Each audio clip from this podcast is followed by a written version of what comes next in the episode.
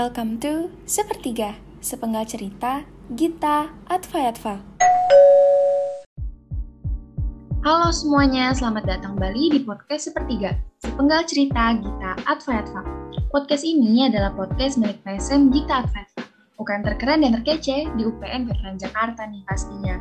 Di podcast ini, aku bakal bahas segala hal tentang Gita Advaitva yang mungkin masih banyak mahasiswa atau mahasiswi dan anggota PSM sendiri yang masih belum tahu nih. Sebelumnya, salam kenal buat teman-teman yang sedang mendengarkan.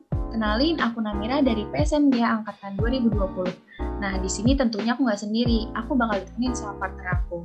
Halo Kay. Halo Namira, halo juga buat teman-teman yang sedang mendengarkan. Oke, perkenalan dulu dong Kay, coba. Hai semua, kenalin aku Yunike, biasa dipanggil Kay. Aku dari PSMGA Angkatan 2020. Halo Kay, apa kabar nih Kay? Aman kah sejauh ini? Kabar baik nih Nam, belakangan ini sibuk aja sama praktek di kuliah. Lo sendiri gimana nih Nam kabarnya? Alhamdulillah kabar baik juga nih, aman lah ya sejauh ini perkuliahan.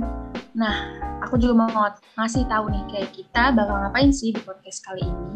Jadi di episode ketiga ini kita bakalan bahas sesuatu yang seru dan menarik nih Kay. Wah, apa tuh Nam? Tapi, tapi, tapi sebelum masuk ke pembahasan kita panggilin dulu kali ya gestar kita hari ini nih. Yuk kita panggil ada Kak Vio, Kak Adia, sama Kak Nabila nih. Halo kakak-kakak. Halo kakak-kakak BPH, gimana nih kabarnya? Halo, halo guys. Oke, kalau aku sendiri, uh, puji Tuhan kabarnya baik, sehat. Uh, kalau ditanya kesibukan, ya kayak biasa sibuk kuliah, lagi magang juga, sama lagi mantau beberapa proyek aja sih itu aja. Oke, kalau aku sih sama sih kayak Vio, nggak jauh beda. Aku juga lagi uh, sibuk kuliah, terus sama sibuk aku juga kan kebetulan ikut kampus Merdeka, jadi aku lagi fokus uh, ngerjain itu juga sama paling kepanitiaan kepanitiaan sih yang ada di PSM sendiri. Oke, kalau aku juga kabarnya baik nih, alhamdulillah. Uh, kesibukannya sekarang mungkin banyak uh, ikut kepanitiaan juga sama kayak dia terus sibuk di volunteer juga nih sama sibuk kuliah. Wah, kayaknya kakak-kakak BPH lagi sibuk-sibuknya gak sih? Soalnya kan udah mau semester akhir juga ya, Kak? Iya, betul banget. Lagi semester akhir. Tio sih yang paling sibuk. Ya nggak, Vi? Enggak sih, enggak sibuk-sibuk banget sebenarnya guys. Nah, mungkin dari kakak-kakak BPH boleh perkenalan dulu kali ya. Silahkan juga sebutin jabatannya saat ini nih di PSMGA. Oke, okay, uh, mungkin boleh dimulai dari aku dulu ya, baru nanti dari Kak Adia sama Kanap. Halo teman-teman, uh, perkenalkan aku Vio. Aku dari program studi S1 Ilmu Komunikasi dan saat ini alhamdulillah puji Tuhannya dipercaya sama teman-teman PSMGA menjabat sebagai ketua umum. Salam kenal. Oke, kalau aku uh, aku biasa dipanggil Adia. Aku dari uh, program studi informatika. Kebetulan aku oh jenis suara aku dulu, jenis suara aku alto dan aku alhamdulillah menjadi pembantu Vio alias wakil ketua umum satu. Oke, halo semuanya, nama aku Nabila El, jenis suaraku alto dari angkatan 2019. Alhamdulillah sekarang dipercaya uh, untuk membantu Vio juga nih sebagai wakil ketua umum dua. Salam kenal semua teman-teman yang sedang mendengarkan. Oke deh, salam kenal kakak-kakak semua. Nah, jadi di sini aku sama Kay mau nanya-nanya sedikit nih Kak seputar PSMGA dan juga kabinet yang sedang berjalan saat ini. Boleh tolong dijelasin dong Kak, apa nama kabinet tahun ini dan apa sih arti filosofi nama kabinetnya? Oke, jadi teman-teman buat yang baru mendengar nama Aradana atau mungkin udah sempat dengar nih waktu di bulan Desember lalu, jadi Aradana itu aku ambil uh, salah satu filosofinya berangkat dari maknanya menurut aku oke okay banget jadi Aradana itu berasal dari bahasa Sanskerta, artinya adalah pemimpin yang punya visi dan ambisi, serta perdamaian. Menurut aku ini adalah tiga value yang baik ya, kayak punya visi, ambisi, terus perdamaian gitu, untuk diterapkan di kehidupan uh, keorganisasian maupun di paduan suara PSM Gita Atfayatfa. Jadi kurang lebih uh, aku membawa kabinet ini memilih nama ini juga karena memang maknanya ini tuh kayak oke okay banget kalau dijadikan landasan setiap uh, kegiatan yang kita jalanin seperti itu. Waduh, keren banget nih Kak, ternyata artinya diambil dari bahasa Sanskerta. Nah, kalau aku boleh tahu nih Kak, anggota kabinet Aradana ini ada berapa orang sih Kak sekarang dan dibagi ke berapa divisi? Uh, kalau di pengurus sendiri itu ada 20 orang nih termasuk BPH. Uh, lalu BPH sendiri kan ada lima orang ya. Ada ketua, wakil ketua satu, wakil ketua dua, sekretaris bendahara. Nah kita tuh uh, ada enam divisi. Divisinya itu ada divisi uh, PSDM, divisi humas, ada proyek, divisi DD, sam, divisi invent, sama yang terakhir divisi danus. Wah, lumayan banyak juga ya Kak ternyata divisinya. Kabinet Aradana ini kan istilahnya akan menjadi tempat yang mewadahi dan memfasilitasi kegiatan anggota aktif PSMGA selama setahun ke depan nih. Kalau boleh tahu, progiat apa aja sih yang bakal dilaksanakan sama Kabinet Aradana di tahun ini? Nah, kalau udah ngomongin progiat nih ya, jadi teman-teman PSM Gita Atfayatfa tuh salah satu UKM dengan progiat yang bisa dibilang uh, sangat produktif dalam satu tahunnya.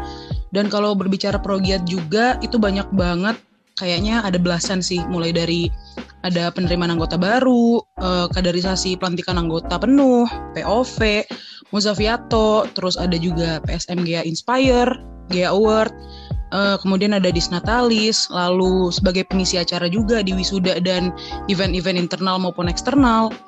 Kemudian ada studi banding dan saat ini yang lagi berjalan persiapannya itu adalah kompetisi IBCF nih teman-teman.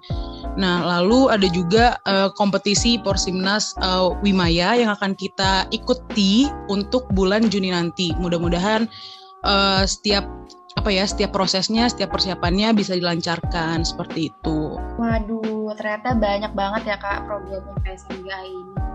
Tadi juga udah sempat disebut nih kak ada kompetisi IBCF, ada kompetisi Persimas Bimaya juga.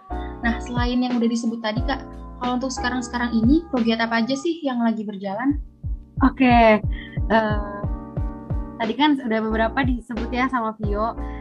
Nah mungkin satu lagi ada program ada KPAP uh, eh, atau kaderisasi pelantikan anggota penuh ini tuh kayak kita tuh di sini ngelantik uh, anggota muda jadi anggota penuh terus selain kompetisi juga kita ada udah udah ada nih uh, uh, program kegiatan untuk menyiapkan konser mungkin di sekitar bulan uh, Oktober atau September konsernya akan diadakan. Nah, jadi sekarang tuh persiapannya udah dimulai nih dari sekarang. Jadi PSM sih lagi menyiapkan itu sih program kegiatan-program kegiatan yang lagi dijalanin.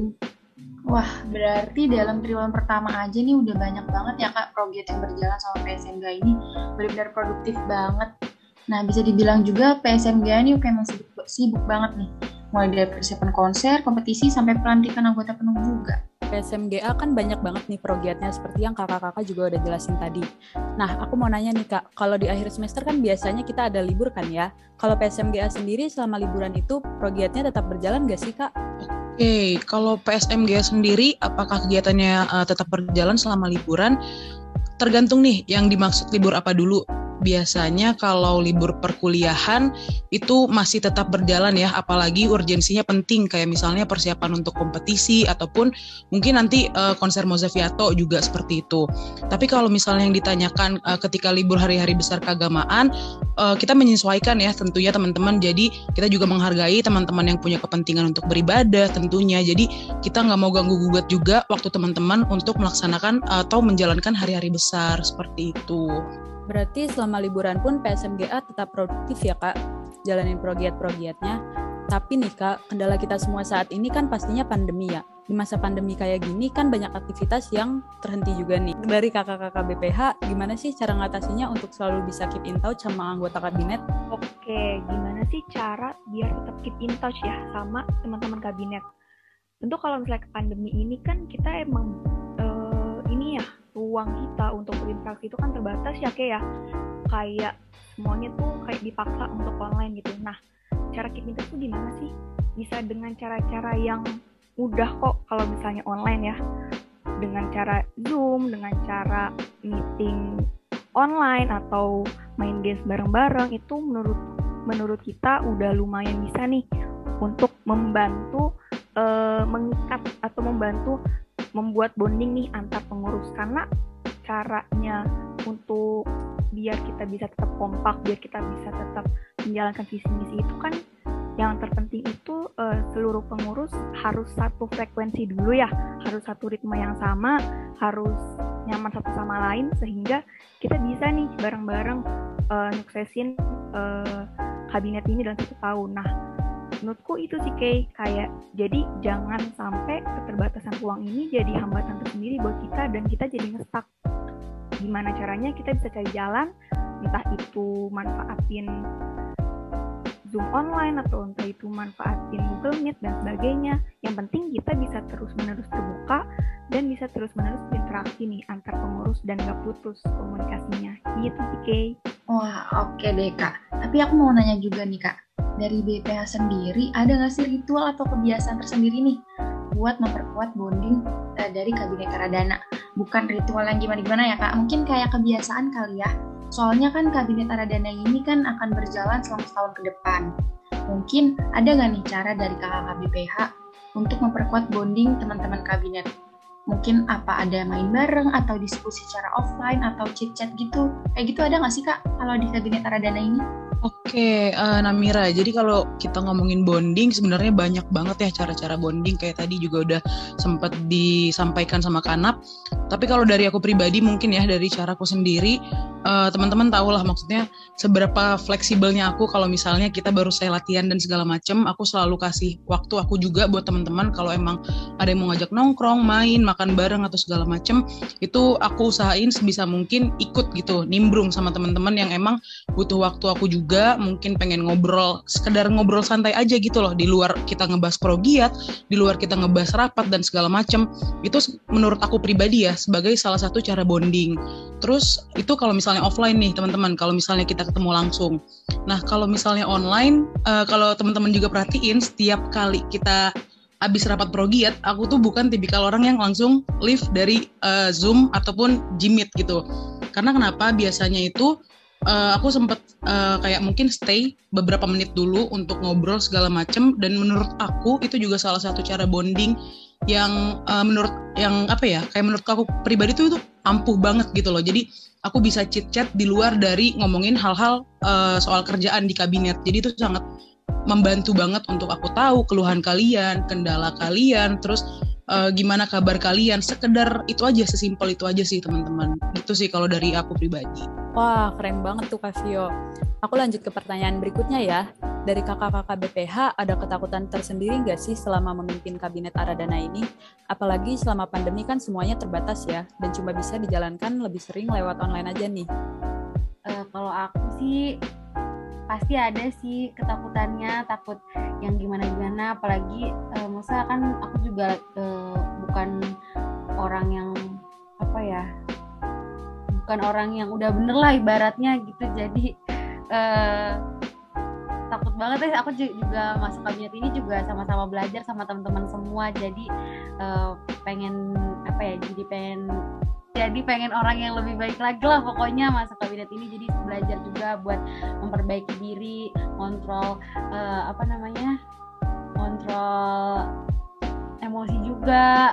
Terus apa namanya bisa disiplin juga. Terus harus apa ya karena di sini baratnya kita yang paling tua uh, sekarang kan uh, angkatan 2019 angkatan yang paling tua ya di PSM jadi kayak harus bisa uh, jadi contoh yang benar juga sih sebenarnya buat angkatan-angkatan uh, bawah kayak gitu sih. Jadi takut kayak nggak bisa uh, jadi contoh yang baik itu sih kalau ketakutan aku tersendiri. Kalau misalnya pendapat Adia tadi kan membahas tentang ketakutan secara personal ya. Kurang lebih aku juga sama nih kayak dia ada banget ketakutan takut uh, belum bisa jadi teladan yang baik ke adik-adiknya gitu. Berarti kan di sini bener banget kata dia di sini kita angkatan paling tua yang paling aktif, yang jadi angkatan aktif lah ya istilahnya gitu di perkuliahan. Kalau misalnya tadi kita bahas secara ketakutan personal, mungkin aku bakal masuk juga nih ke uh, ketakutan secara kondisional ya, mengingat ini juga masih pandemi dan uh, kadang kita nggak bisa nebak nih ke depannya bakal kayak gimana si pandemi ini. Kayak tiba-tiba ada gelombang lain, tiba-tiba ada gelombang yang nggak pernah kedengeran namanya, terus tiba-tiba meningkat dan sebagainya macamnya.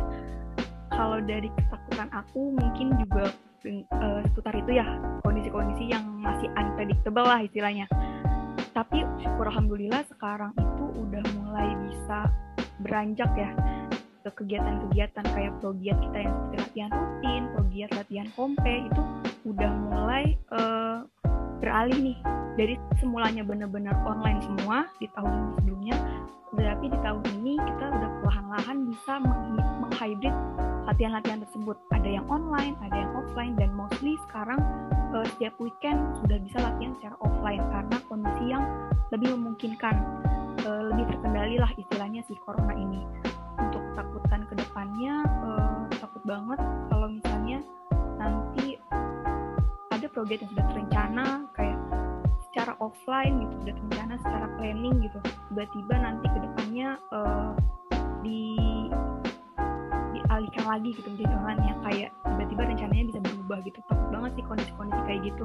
Tapi maupun kondisi-kondisi seperti demikian ya segimanapun juga sebagai pemimpin ya istilahnya gitu sebagai BPH sebagai pionir di sini kita berusaha mungkin uh, selalu pasang badan selalu pasang kendali untuk tetap bisa mengendalikan hal tersebut untuk tetap bisa menetralisir uh, segala perasaan yang campur aduk ya kalau misalnya ada rencana-rencana yang nggak bisa uh, tercapai segimanapun kita bakalan selalu ada di situ.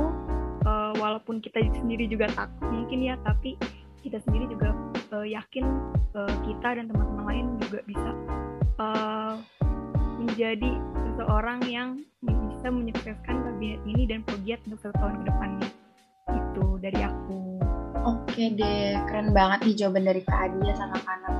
Karena ya pandemi ini kayaknya emang menjadi hambatan juga ya Kak bagi banyak orang nggak cuma untuk kabinet Ardana sendiri. Nah tadi kan udah ngomongin tentang ketakutan ya Kak. Kalau aku mau ngomongin harapan, apa sih harapan dari kakak-kakak BPH buat kabinet Aradana ini selama setahun ke depan? Oke, kalau ngomongin soal harapan, sebetulnya banyak banget ya harapan yang aku set untuk kabinet ini dalam satu tahun ke depan. Mungkin yang pertama itu aku berharap banget semua pengurus di sini di kabinet Aradana bisa apa ya, bisa solid, kompak, terus bisa juga menjalankan tugas sesuai fungsinya masing-masing gitu itu yang pertama sih. Aku berharap banget ada rasa apa ya sense of belonging kali ya teman-teman. Rasa saling memiliki satu sama lain. Jadi dari pondasinya aja tuh udah kokoh gitu. Jadi kita nggak perlu takut kalau misalnya ada slack atau perpecahan dan segala macam di lingkup internalnya. Kemudian kalau harapan yang kedua itu aku berharap banget sih semoga uh, semua program kegiatan yang udah dirancang sama teman-teman pengurus uh, selama satu tahun ke depan bisa berjalan lancar nih. Karena kan seperti yang tadi aku udah bilang juga di awal program kegiatan kita tuh cukup banyak dalam satu tahun ke depan. Dan pastinya ini nggak akan mudah nggak akan apa ya istilahnya tuh rintangannya tuh bakal banyak banget. Jadi aku berharap banget rintangannya sebesar apa pun ini proyek-proyek ini boleh berjalan dengan baik dan lancar. Terus yang ketiga kalau ditanya harapan aku berharap banget tahun ini kita bisa konser offline nih teman-teman. Berharap banget benar-benar seberharap itu. Karena mungkin dari angkatan aku pribadi ini angkatan 2019 kita belum pernah ngerasain konser offline kan? Kayak konser pertama kita itu di konser Mozaviato 2020 yang mana itu pelaksananya secara virtual Kemudian upgrade di Mozaviato 2021 pelaksananya live recording. Dan mudah-mudahan kalau memang Tuhan berkehendak dan pandemi ini kondisinya lebih baik lagi, maksudnya udah apa ya, kegiatan sudah mulai normal, udah bisa uh, menampung jumlah orang tuh bisa banyak itu dalam satu tempat dan bisa diadakan secara offline nih acara konser itu sangat luar biasa banget sih terus berharap juga branding PSM Gita Fatva ini semakin bagus lagi tentunya di tahun ini dan uh, berharap juga apa ya kualitas dari SDM-nya juga semakin meningkat tentunya. Itu sih kalau berbicara soal harapan ya banyak banget sih emang gitu. Oke, tadi kan udah harapan untuk Kabinet Aradana nih. Kalau harapan untuk PSMGA sendiri gimana nih Kak? Oke, kalau misalnya harapan untuk PSMGA secara general, hmm, mungkin yang pasti ya karena ini udah mulai uh, beralih dari online ke offline mungkin aku berharapnya PSMGA bisa mempunyai ruang bersosialisasi untuk yang lebih luas lagi gitu. Karena kemarin sempat dilimitasi sama keadaan yang online kayak mungkin bagian teman-teman yang terutama 2020 2021 yang sebelumnya hanya bisa berinteraksi secara online uh, semoga ke depannya bisa interaksi secara offline dan bisa makin bonding gitu antar angkatan.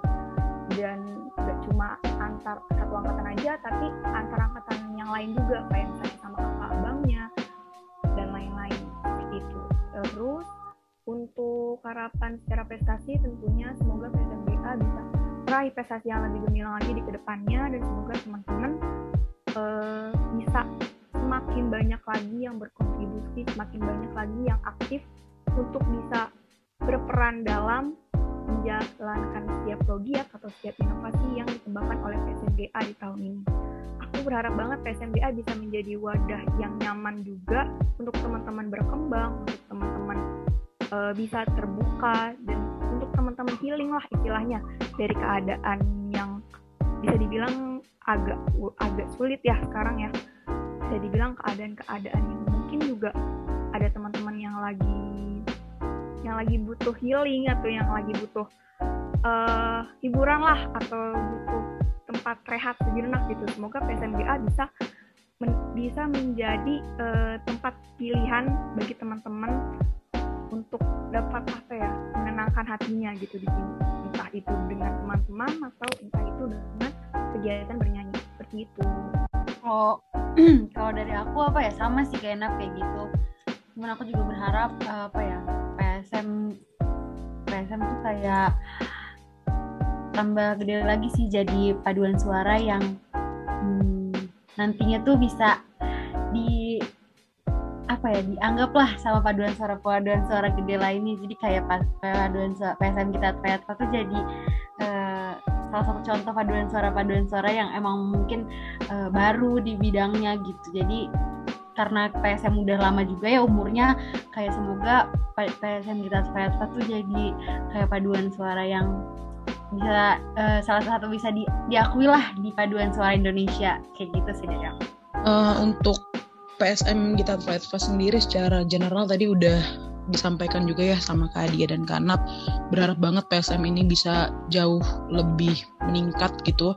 Jadi orang tuh juga bisa notice PSM kita Fayatwa tuh paduan suara kampus mana sih gitu. Jadi kita nggak perlu bertanya-tanya lagi nggak perlu nyari lagi karena kita udah punya nama. Berharap banget uh, eh, PSM bisa jauh lebih oke okay lagi lebih matang lagi secara kualitas dan secara keorganisasiannya juga lebih bagus lebih berkembang pesat tentunya. Kayak gitu sih Amin. Semoga apa yang kita harapkan di tahun ini untuk Kabinet Aradana dan PSMBA sama-sama bisa terlaksana ya Kak. Tapi gak berasa deh, ternyata kita udah sampai di sesi akhir podcast ini. Wah, bener-bener gak berasa sih ya Kay.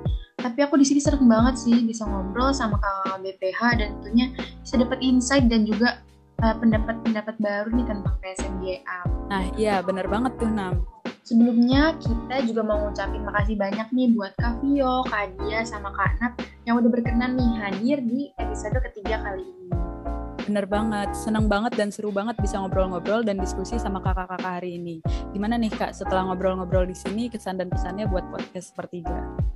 Kalau dari aku sih, uh, terima kasih juga nih PSDM yang sudah mau mengundang uh, eh, BPH juga untuk uh, mengisi episode kali ini uh, aku sih happy banget ya bisa bagi pengalaman atau bagi hal-hal baru buat yang mungkin yang baru pertama kali dengar podcast ini. Semoga dengan ada podcast ini baik informasi-informasi baru yang uh, yang mereka dapat lah dari podcast ini. Terima kasih nih buat Namira sama Kay kalau dari aku setelah ngobrol-ngobrol di sini untuk podcast sepertiga teman-teman mau terima kasih juga sih untuk divisi PSDM yang udah mengadakan podcast sepertiga lagi nih. Dan makasih banget udah undang aku, undang Adia, undang Vio sebagai bintang tamu ya. Dibilang bintang tamu kali ini di podcast sepertiga episode ketiga. Uh, untuk kesannya aku senang banget sih bisa ngumpul di sini bisa ngobrol-ngobrol sama kalian bisa berbagi sharing-sharing uh, pendapatku pendapat Adia pendapat Vio dan pendapat uh, kita semua. Dan semoga nih harapan-harapan dan segala informasi yang kita sampaikan juga uh, mimpi-mimpi ya istilahnya di sini bisa tersampaikan semuanya ke teman-teman pendengar bisa terlaksana juga setiap harapan-harapannya. Dan semoga apa yang dicita-citakan yang apa yang kita tuangkan di sini bisa tercapai di tahun ini semuanya. Gitu sih kalau dari aku. Thank you teman-teman Oke, kalau kesan dari aku pribadi ya kurang lebih sama ya sama kayak Kak Adia dan Kak Anap. Senang banget. Uh, terima kasih banyak buat teman-teman PSDM. Terima kasih juga nih buat uh, hostnya nih tadi Namira dan Kay udah ngundang kita teman-teman BPH untuk menjelaskan lagi untuk berbagi lagi lebih jauh terkait Aradana, kemudian terkait PSMGA beserta progiat-progiatnya. Uh, semoga semua teman-teman yang sedang mendengarkan ini bisa lebih kenal sama Kabinet Aradana, lebih kenal dengan PSM kita Atfa dan semoga kita bisa saling berkomunikasi lagi di lain kesempatan. Thank you. Oke, terima kasih kembali ya Kak dari aku dan juga Kay buat kakak BPH, Kak Vio, Kak dan juga Kak Dia yang udah bersedia buat bagi-bagi pendapat nih sama kita di sini diskusi bareng. Tapi sayang banget nih kak, ternyata kita juga harus pamitan nih sama teman-teman yang sedang mendengarkan. Nah di sini aku dan juga Kay bersama kakak BPH mohon undur diri ya.